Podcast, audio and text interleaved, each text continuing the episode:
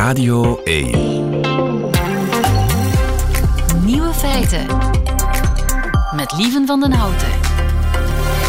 Dag en welkom bij de podcast van Nieuwe Feiten van 27 februari 2023. In het nieuws vandaag dat Roald Dahl wist hoe hij uitgevers moest behandelen die in zijn werk wilden knippen en plakken en woorden wilden aanpassen.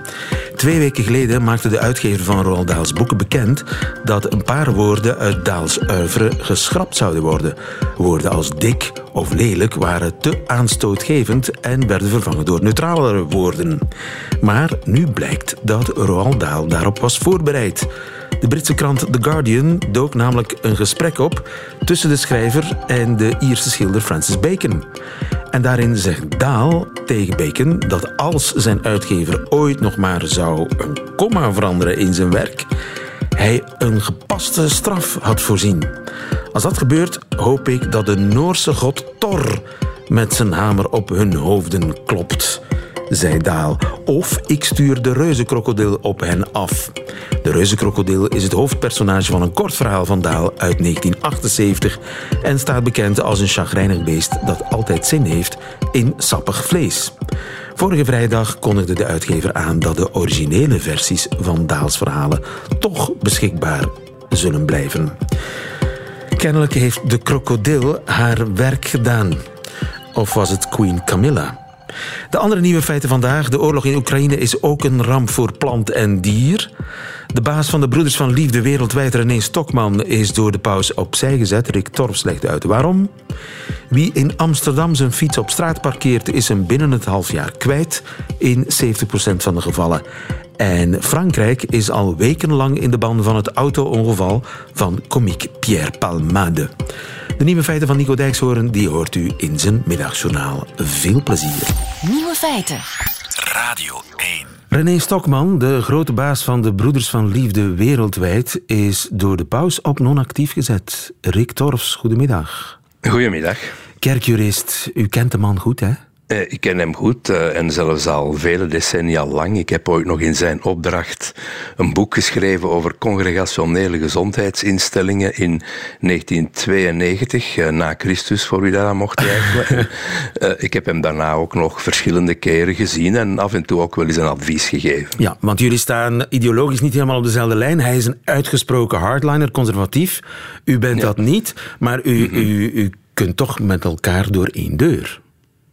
Ja, dat moet mogelijk zijn, denk ik. Je hebt in uh, het huis van de Heer vele kamers, zoals dat dan heet. En ik waardeer Stokman alleszins voor zijn morele moed en voor het lef dat hij heeft om voor zijn stelling op te komen. Wat, zoals u terecht zei, niet betekent dat ik uh, zijn opvatting allemaal zomaar deel. Ja, nu, die maatregel die genomen is in het Vaticaan, dat is een ferme maatregel. Een generaal-overste opzij schuiven gebeurt niet elke dag. Dat gebeurt niet elke dag en dat kan voornamelijk verklaard worden door het feit dat het hier wel degelijk gaat om een conflict dat al heel lang loopt, uh, uh, dat uh, ja, verschillende jaren bezig is, dat in België vooral bekend is door de stellingen die broeder Stokman heeft ingenomen in verband met euthanasie, een vrij hard en onwrikbaar standpunt. En dat heeft geleid tot een conflict met de broeders hier in België die euthanasie in uitzonderlijke gevallen bij uh, ondraaglijk psychisch lijden wel mogelijk achten. Dus dat is in feite een deel van het conflict dat bij ons het meest naar voren is gekomen. Ja. En heeft het Vaticaan daar nu partij in gekozen? Uh, dat denk ik niet. Hè. Het is zeker niet zo dat uh, het Vaticaan het euthanasiestandpunt van de Belgische broeders ondersteunt. Integendeel, dus de houding ten aanzien van euthanasie is in het Vaticaan eigenlijk de jongste jaren niet of, nauwelijks gewijzigd. Dus daar gaat het niet over. Waar het wel over gaat, is ergens een ja, vorm van partij kiezen in een algemeen bestuurlijk conflict dat uh, meer gaat over, het, uh, ja, over goederen. Dus in feite is het een conflict, het echte conflict draait rond uh, geld. Een, een, rond geld, inderdaad, en het, uh, de aardse goederen, zoals die dan heten in een kerkelijke context. En in die zin is het uh, een, verschijnsel dat je niet enkel bij de Broeders van Liefde in Vlaanderen meemaakt of in België, maar dat eigenlijk wereldwijd bestaat bij religieuze ordes en congregaties die aanvankelijk gesticht zijn in, in West-Europa, vaak trouwens ook in België, zoals de Broeders van Liefde, maar die dan in de loop der tijden ook um, ja, bijhuizen hebben opgericht elders in de wereld wereld, vaak in Azië, Afrika, Latijns-Amerika. En die bijhuizen zijn uh, blijven groeien en die draaien vandaag nog altijd uitstekend. Terwijl de oorspronkelijke congregaties kampen met een uh, ja, gebrek aan nieuwe roepingen en binnenkort ook zullen uitsterven. Maar dat leidt tot een wat ja, asymmetrische positie, als ik het zo mag uitdrukken. Het geld, de goederen, de huizen die vaak leeg staan, zijn gelegen in West-Europese landen. Uh, terwijl de nieuwe dynamiek elders is, maar daar is dan weer behoefte aan geld. En dat is in feite de grote basis van het conflict tussen de broeders hier in België en ja, het generalaat eh, in Rome, vertegenwoordigd door ja. broeder Stokman. Dus hij uh, draineerde middelen naar het zuiden, zeg maar. En deed hij dat op een niet-koosere manier dan? Uh, wel, ik, men verweet hem een gebrek aan lange termijn politiek. Het is natuurlijk zo dat er veel geld uh, moest gaan naar die nieuwe initiatieven, dat is duidelijk. Maar aan de andere kant waren die denk ik op termijn wel self-supporting, al weet je dat natuurlijk nooit helemaal precies. En ik begrijp ook wel, in, in die zin beide partijen. Aan de ene kant heb je de broeders hier in België, uh, die dus inderdaad heel wat huizen en zo hebben verkocht de jongste jaren en die uiteraard terecht hebben op een mooie oude dag. Ze hebben zich ook even ingezet. Um, aan de andere kant natuurlijk moet je toch ook uh, openstaan voor initiatieven in het zuiden. En dat evenwicht is een delicaat evenwicht waar een deel van de discussie over ging. Uh, overigens bestaat het niet alleen in België, ook Canada, Nederland en zo uh, leverde wel bijdrage aan het generalaat, de ene dan de andere. Ja, maar is dat genoeg om iemand opzij te schuiven? Dit ruikt toch naar, naar ja, malafide praktijken, uh, oh, ja, dingen die niet kloppen. Ja, het is eigenlijk een, een machtsstrijd waar men, denk ik, op de duur in, in Rome wel ongeveer genoeg van had, omdat ze ook al lang aansleepten. Um, hoewel daar natuurlijk uh, niet officieel wat kan over gezegd worden, is het ook wel zo dat uh, Belgische bisschoppen recent op ad limina bezoek zijn geweest in Rome en misschien ook wel hun mening hebben geventileerd over dat conflict. Dat weet ik natuurlijk niet, ik was daar niet bij. Uh, maar ik denk dat het voor vele mensen wel goed uitkomt dat broeder Stokman niet altijd nadrukkelijk aanwezig is met zijn toch wel ja, duidelijke uitspraken, radicale uitspraken over een aantal punten. Dus ja. je kan het ook zien als een, ja, een element in een, in een bredere machtsstrijd waar misschien ruimere vertakkingen mee gemoeid zijn dan we op het eerste gezicht zouden vermoeden. Dus je bedoelt dat hij als uitgesproken hardliner oude stijl, met een autoritaire stijl ook, dat dat uh, het signaal is die het Vaticaan de paus wil afgeven, dat dat tijdperk is afgesloten?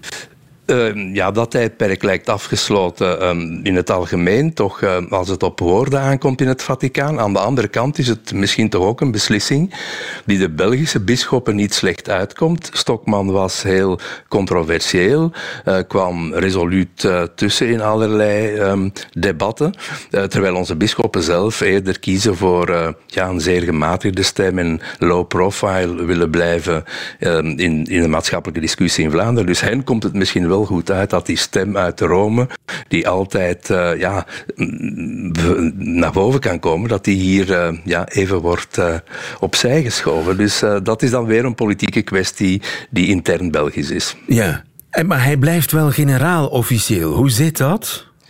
Ja, dat is iets wat mij ook wat verwondert. Hij is dus een beetje dan een, een, een, een keizer zonder kleren, kan je zeggen. Dus uh, er wordt een apostolisch administrator aangekondigd en dat is ook een, een Vlaming, Jos uh, Wouters, uh, de generaal van de Norbertijnen. Ehm, maar dus in feite heeft hij geen bestuurlijke bevoegdheden meer, maar enkel nog de titel, bijna een constitutioneel monarch. Er zijn verkiezingen volgend jaar voor een nieuwe generaal en het is natuurlijk niet uitgesloten dat er ondertussen achter de schermen van de broeders van liefde nog heel wat politiek wordt gemanoeuvreerd, uiteraard altijd op zeer christelijke wijze. Hoe dan ook, het einde van een tijdperk. René Stokman, een grote baas van de Broeders van Liefde, opzij gezet door het Vaticaan. Rick Torfs, dankjewel. Goedemiddag. Dag. Nieuwe feiten. Coucou de France. Met Alex Visorek. Het is ongeveer 1 graad in Brussel, maar het wordt een beetje warmer, want hier is de charmantste glimlach van Parijs. Alex Ja, Visorek, goedemiddag. Goedemiddag, lieven. Ja, het is een dikke maand geweest sinds onze vorige afspraak. Er wordt hier in Frankrijk nog fel geprotesteerd tegen pensioenhervorming. En je zou dan denken dat dit het nieuws domineert. Maar eigenlijk niet. Er is maar één thema die het nieuws overrompelt sinds twee weken. En het gaat over een comedian. L'humoriste acteur français Pierre Palmade, euh, dont euh, le pronostic vital est engagé euh, ce soir. Il a donc été victime d'un accident de la circulation. Oké, dus Pierre Palmade, de acteur en comedian, is slachtoffer geworden van een verkeersongeval en zijn toestand is levensbedreigend. Ja, zo werd het nieuws aangekondigd. Het gaat over een humorist, maar eh, dit is helemaal niet grappig. Op 10 februarisavond is Pierre Palmade zwaar tegen een andere auto met een man, een zwangere vrouw en een kind van zes jaar gebotst. De baby heeft het niet overleefd. Eh, verschrikkelijk nieuws. Maar de aandacht van de media's werd vlug getrokken naar een ander aspect van deze zaak. Les suites de l'enquête après l'accident de la route impliquant Pierre Palmade, l'humoriste était sous l'emprise de la cocaïne lorsque son véhicule a percuté une voiture avec trois passagers. Oei, hij was onder invloed van cocaïne toen hij het ongeval veroorzaakte. Ja, en dat was nog niet alles. Des témoins ont vu deux jeunes hommes d'une vingtaine d'années quitter les lieux. Oei, Ja, tu- twee Twee personen, personen zijn gevlucht. voordat de politie eh, ter plaatse aankwam. En zij waren escortboys die al 24 uur met Palmade gevierd hadden.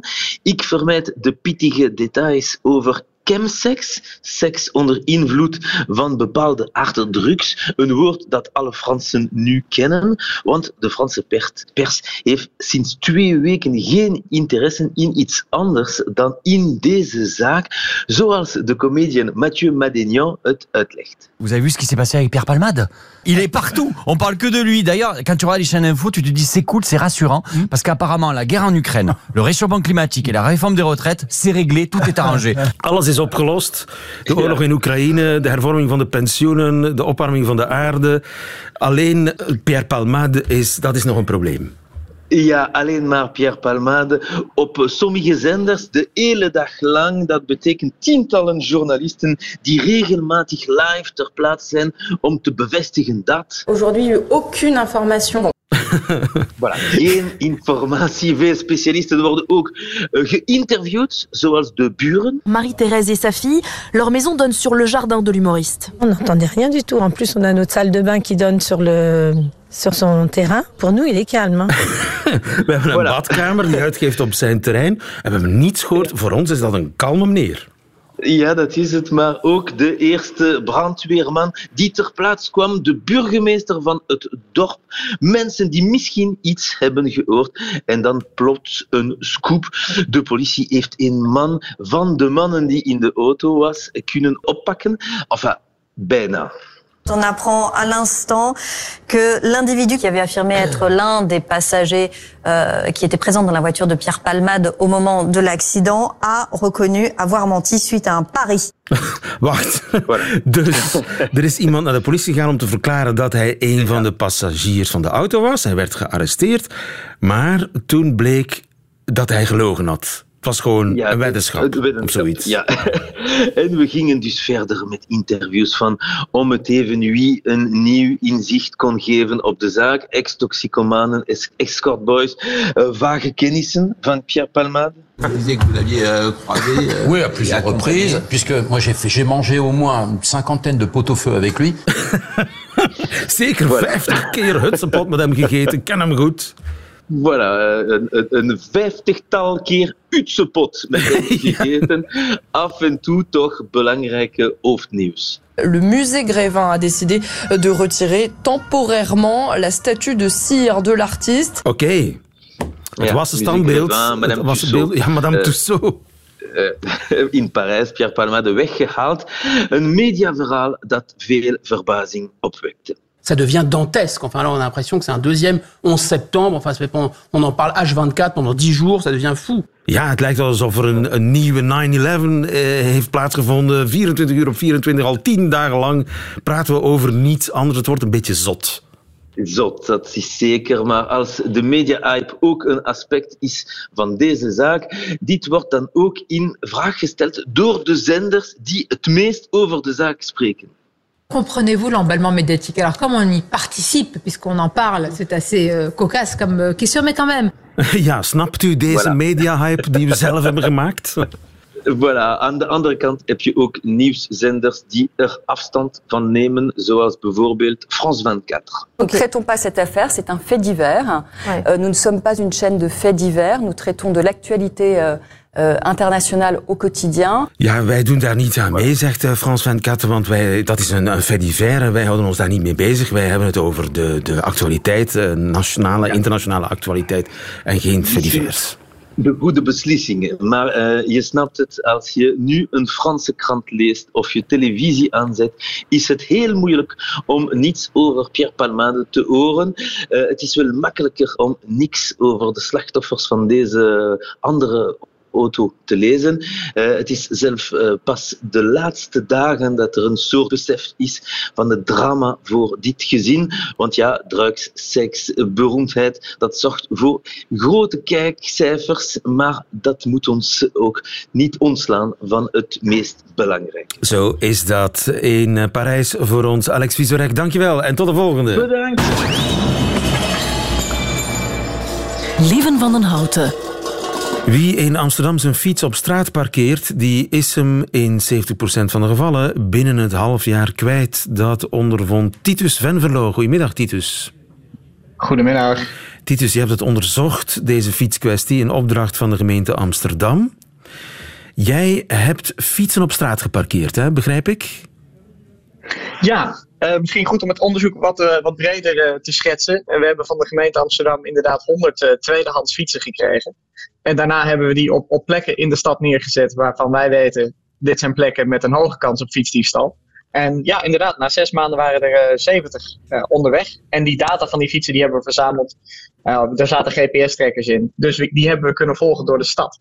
Eh, om precies uit te vinden waar die fietsen naartoe gaan, eh, naar, of, of ze naar andere steden gaan, hoe ze bewegen in de stad, om dat netwerk van gestolen fietsen in kaart te brengen. Oké, maar waren die fietsen dan niet op slot? Die fietsen stonden wel op slot met een eh, relatief goedkoop kettingslot. En sommige stonden vast aan, aan de fietsparkeerinfrastructuur, denk aan de fietsnietjes. eh, en andere gewoon door het achterwiel met zo'n kettingslot. En, en ja, die stonden wel gewoon in de openbare ruimte natuurlijk. Ja, dus je hebt 100 eh, fietsen geparkeerd in de openbare ruimte en na een maand waren er nog 30 over. Precies. Ja. En die fietsen die kon je volgen, want ze waren, er waren trackers. En waar gingen die fietsen naartoe? Ja, tot onze verbazing konden we een aantal eh, dingen goed in kaart brengen met deze trackers. Nou, één ding is, die fietsen bleven heel dicht bij Amsterdam. Eigenlijk geen enkele fiets op twee na gingen naar een andere stad. Maar ze bleven eigenlijk allemaal dicht bij het centrum van, eh, van Amsterdam. Eh, en daarnaast konden we ook identificeren dat er voor 30% van die gestolen fietsen een soort van netwerk naar voren kwam. Waarin wij toch zeggen, dit is waarschijnlijk georganiseerde eh, fietsdiefstal. Omdat die fietsen allemaal naar één plaats gingen. Omdat die fietsen inderdaad op eenzelfde manier naar één plek bewogen. Of naar meerdere plekken in de stad. En daarna dat we echt een, een soort opslagsysteem zien. Waarbij die fietsen van opslaglocatie naar opslaglocatie verplaatsen. Waarna ze uiteindelijk in de binnenstad ook weer verkocht worden van Amsterdam. En daar blijven rondrijden.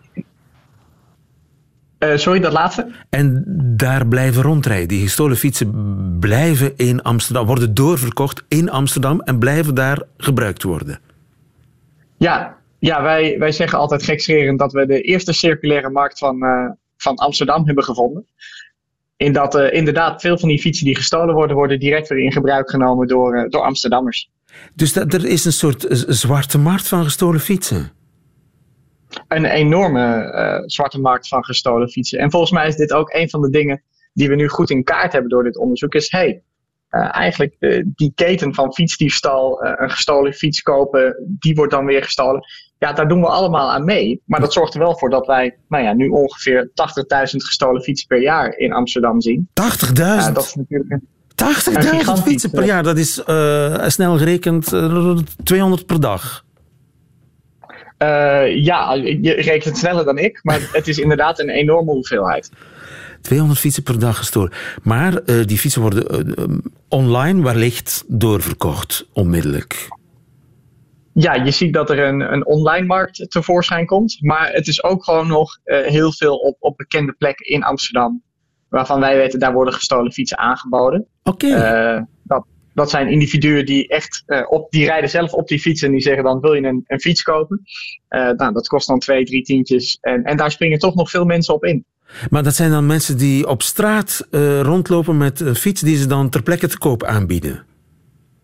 Ja, dat is ook onderdeel van, van het systeem, inderdaad. Of zijn er echt winkels waarvan iedereen weet, ja, ja, daar kun je gestolen fietsen voor een prikje kopen? Uh, winkels worden vaak wel gecontroleerd, dus die zijn daar een, een stuk voorzichtiger mee. Uh, ongetwijfeld zullen er voorbeelden te vinden zijn waarin een, een gestolen fiets terechtkomt bij een, een, fietsenwinkel. Maar het is ook grotendeels dat informele netwerk van nou, mensen die rondfietsen, mensen die het online verkopen, mensen die nou ja, telefoonnummers hebben van iemand die, die een fiets steelt nou, op verzoek. Ja. Dus dit zijn wel allemaal de systemen die wij uh, ook door middel van dit onderzoek en het traceren van die gestolen fietsen in kaart hebben weten te ook, brengen. Ook dat bestaat, stelen op verzoek. Ik, weet, ik, ik wil een fiets van die kleur, dat merk, uh, 12 versnellingen. Uh, niet al te vaak gebruikt. Zoiets, dat kan. En dan is er iemand die dat actief gaat opsporen, zo'n fiets. Uh, er zijn voorbeelden naar voren gekomen waarin dit gebeurt. Niet specifiek binnen ons onderzoek. Wij traceren echt alleen die fietsen en de data die wij binnenkrijgen, die analyseren we. Uh, we gaan zelf niet meer achter de fiets aan hoe dat nou precies gebeurd is of hoe die gestolen is. We zijn alleen geïnteresseerd in de data die van die fiets uh, richting ons komt. Uh, maar inderdaad, in, in gesprekken over het, het, het onderzoek zijn dit soort voorbeelden naar voren gekomen. Ja. En die, die 100 fietsen van jou, waar zijn die nu? Rijden die nog altijd rond? Er zijn mensen die daarop op rijden, zonder dat ze het beseffen. Ehm, ja, even dan heel kort. eigenlijk wat wij doen is, we zetten die fietsen neer, die worden gestolen. En dan op het moment dat wij een residentieel patroon zien, zeggen we woon-werkverkeer van die fiets, dan, dan zetten wij de dataverzameling uit. Wij zijn alleen geïnteresseerd in nou ja, de data op het moment dat die fiets gestolen is, niet als hij in normaal okay. gebruik is. Dus, maar inderdaad, die rijden daar dus nog op rond op die je, fiets. Ondanks je, dat die data niet verzameld wordt. Ja, je trekt die niet meer, maar die rijden. Die rijden. Sommige mensen rijden misschien met zo'n fiets rond en ze weten het niet eens. En jij weet het ook niet meer, want de tracking is uh, afgezet. Wat ga je daar nu mee doen met, het, met de resultaten van het onderzoek? Want nu ja, geef je enorm veel wapens aan mensen die, die dat willen bestrijden, toch? De, de resultaten zijn inderdaad gedeeld met de gemeente Amsterdam. Dat was een opdracht van de gemeente Amsterdam. En zij zijn nu aan het kijken hoe ze hun beleid op fietsdiefstal kunnen aanscherpen. Eén uh, ding wat ze al heel goed doen is bijvoorbeeld de fietsparkeerinfrastructuur echt enorm verbeteren in Amsterdam. Je ziet het met de opening van een hele grote nieuwe parkeergarage bij Centraal Station hier in Amsterdam. Uh, maar inderdaad, er zijn nou ja, hopelijk nog een aantal andere maatregelen die we nu effectief kunnen nemen om nou, toch het aantal fietsdiefstallen flink naar beneden te krijgen. Ja, 80.000 per jaar is niet niks. Dit is Sven Verloo. Dankjewel voor deze uitleg. En veel succes verder. Dankjewel. Goedemiddag. Nieuwe feiten.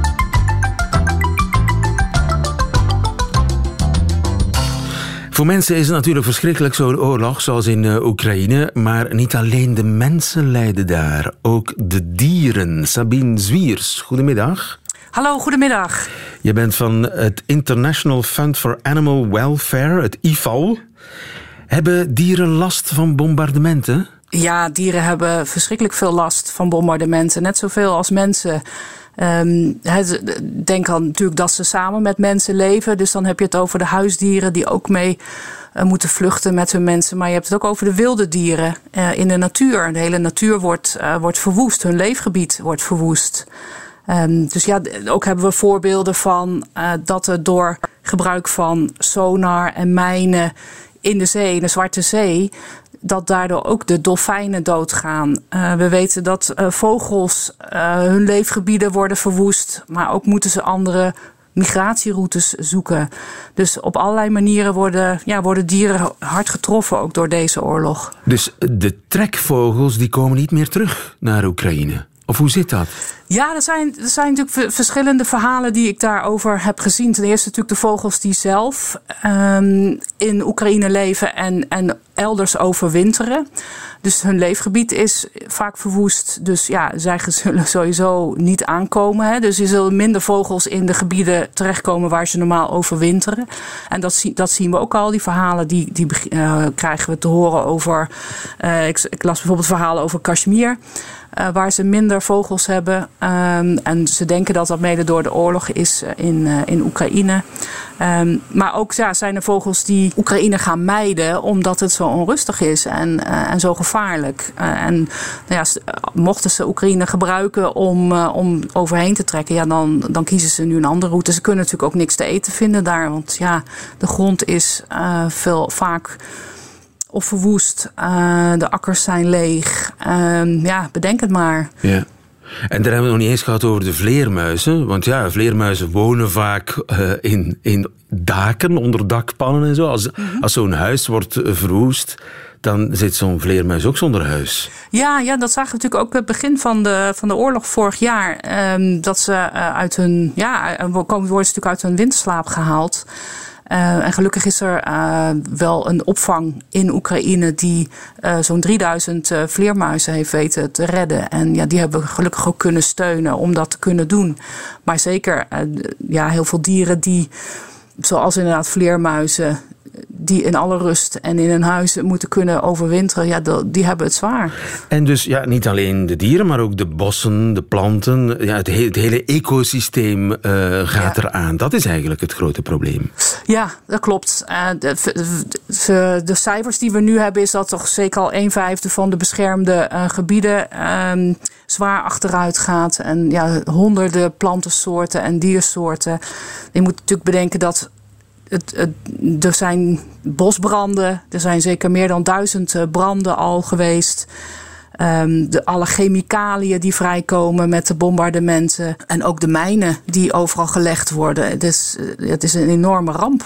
En dan hebben we het nog niet eens gehad over de huisdieren van mensen die ja, op de vlucht slaan. Wat moet daarmee ja. gebeuren? Nou, gelukkig wat wij uh, hebben gezien is, is dat mensen uh, die naar Europa, naar de EU-landen zijn gevlucht, die, die mochten hun huisdier meenemen. Dat was, die regels zijn, werden versoepeld vorig jaar door de EU. Dus die zijn ook in de diverse landen uh, opgevangen. in Nederland hebben we daar ook met alle dierenorganisaties een heel steunpunt voor opgericht. Om te zorgen dat, ja, dat ze gratis naar een dierenarts konden en dat ze de benodigde spullen kregen. Uh, voor hun, hun dieren.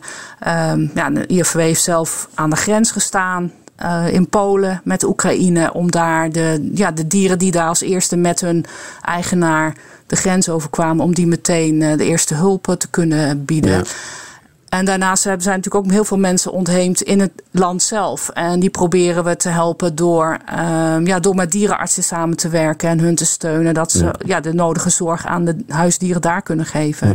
En krijgen jullie veel begrip en steun? Want ja, het is natuurlijk niet de eerste zorg hè, op dit moment, de natuur in Oekraïne. Ja, het is het meeste wel. De meeste mensen zijn, uh, vinden het heel, heel goed wat we doen. Maar we krijgen inderdaad wel eens berichten van, uh, ja, met, de mensen zijn toch veel belangrijker. Nou, wij vinden natuurlijk de dieren net zo belangrijk. En wat we ook zien is dat je uh, mensen helpt als je hun dieren helpt. Er zijn niet voor niks hebben mensen hun huisdier meegenomen toen ze op de vlucht sloegen. Dat geeft wel aan hoe belangrijk uh, het dier is. Het is, wordt gezien als, als lid van het gezin. Um, dus ja, wij denken dat als je dieren helpt, dat je ook mensen helpt. Ja, de oorlog in Oekraïne is dus ook een, uh, een milieuramp. Een ramp voor uh, dieren en planten. En dat wordt wel eens uh, vergeten. Sabine Zwiers, dankjewel. Goedemiddag. Dag. Nieuwe feiten. En dat waren ze, de nieuwe feiten van 27 februari 2023. Alleen nog die van Nico Dijkshoorn, die krijgt u nu in zijn middagjournaal. Nieuwe feiten. Middagjournaal.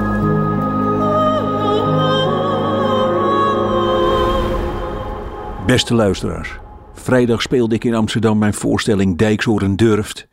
En zo zie je maar weer dat een titel de lading niet altijd dekt. Want luisteraars, in het dagelijks leven durf ik helemaal niets. Een voorbeeld. Ik durf in een supermarkt niet de producten te pakken die helemaal achteraan staan.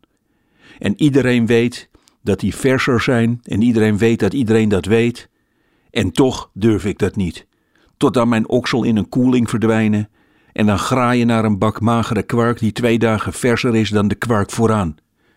En misschien komt dat in dit specifieke voorbeeld ook omdat ik zelf jarenlang vakkenvuller in een supermarkt ben geweest. Ik vond dat heerlijke avonden. Ik leerde daar dat je niets cadeau krijgt in het leven. Nieuwe vakkenvullers moeten eerst een jaar lang de kratten bier en de cola de winkel inslepen voordat ze de iets lichtere producten mogen vullen. Als je iemand de afdeling beschuit en eenhapstoosjes ziet vullen, dan weet je dat is de leider van de vakkenvul gang.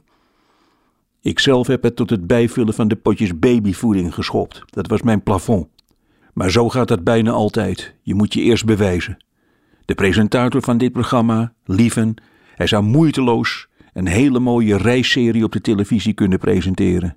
Dat je hem bijvoorbeeld samen met een heel klein paardje dat tot aan zijn heup komt door Schotland ziet lopen. Maar in de mediawereld gelden dezelfde keiharde wetten.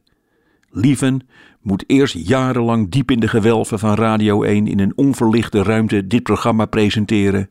En dan mag hij heel misschien eens een keer een leuk programma in het daglicht presenteren.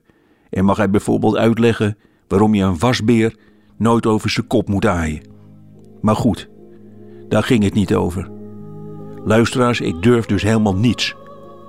Bestellen in een restaurant, ik durf het niet.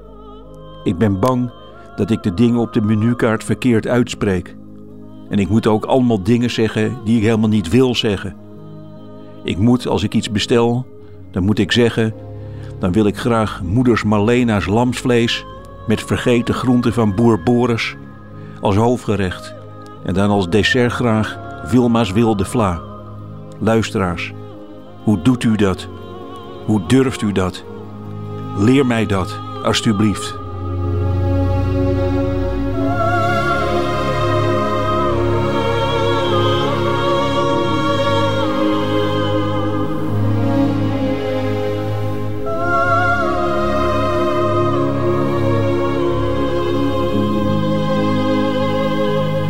Middagjournaal met Nico Dijkshoorn. Einde van deze podcast. Hoort u liever de volledige nieuwe feiten met de muziek erbij? Dat kan natuurlijk live elke werkdag tussen 12 en 1 of on demand via de Radio 1 app of website. Tot een volgende keer.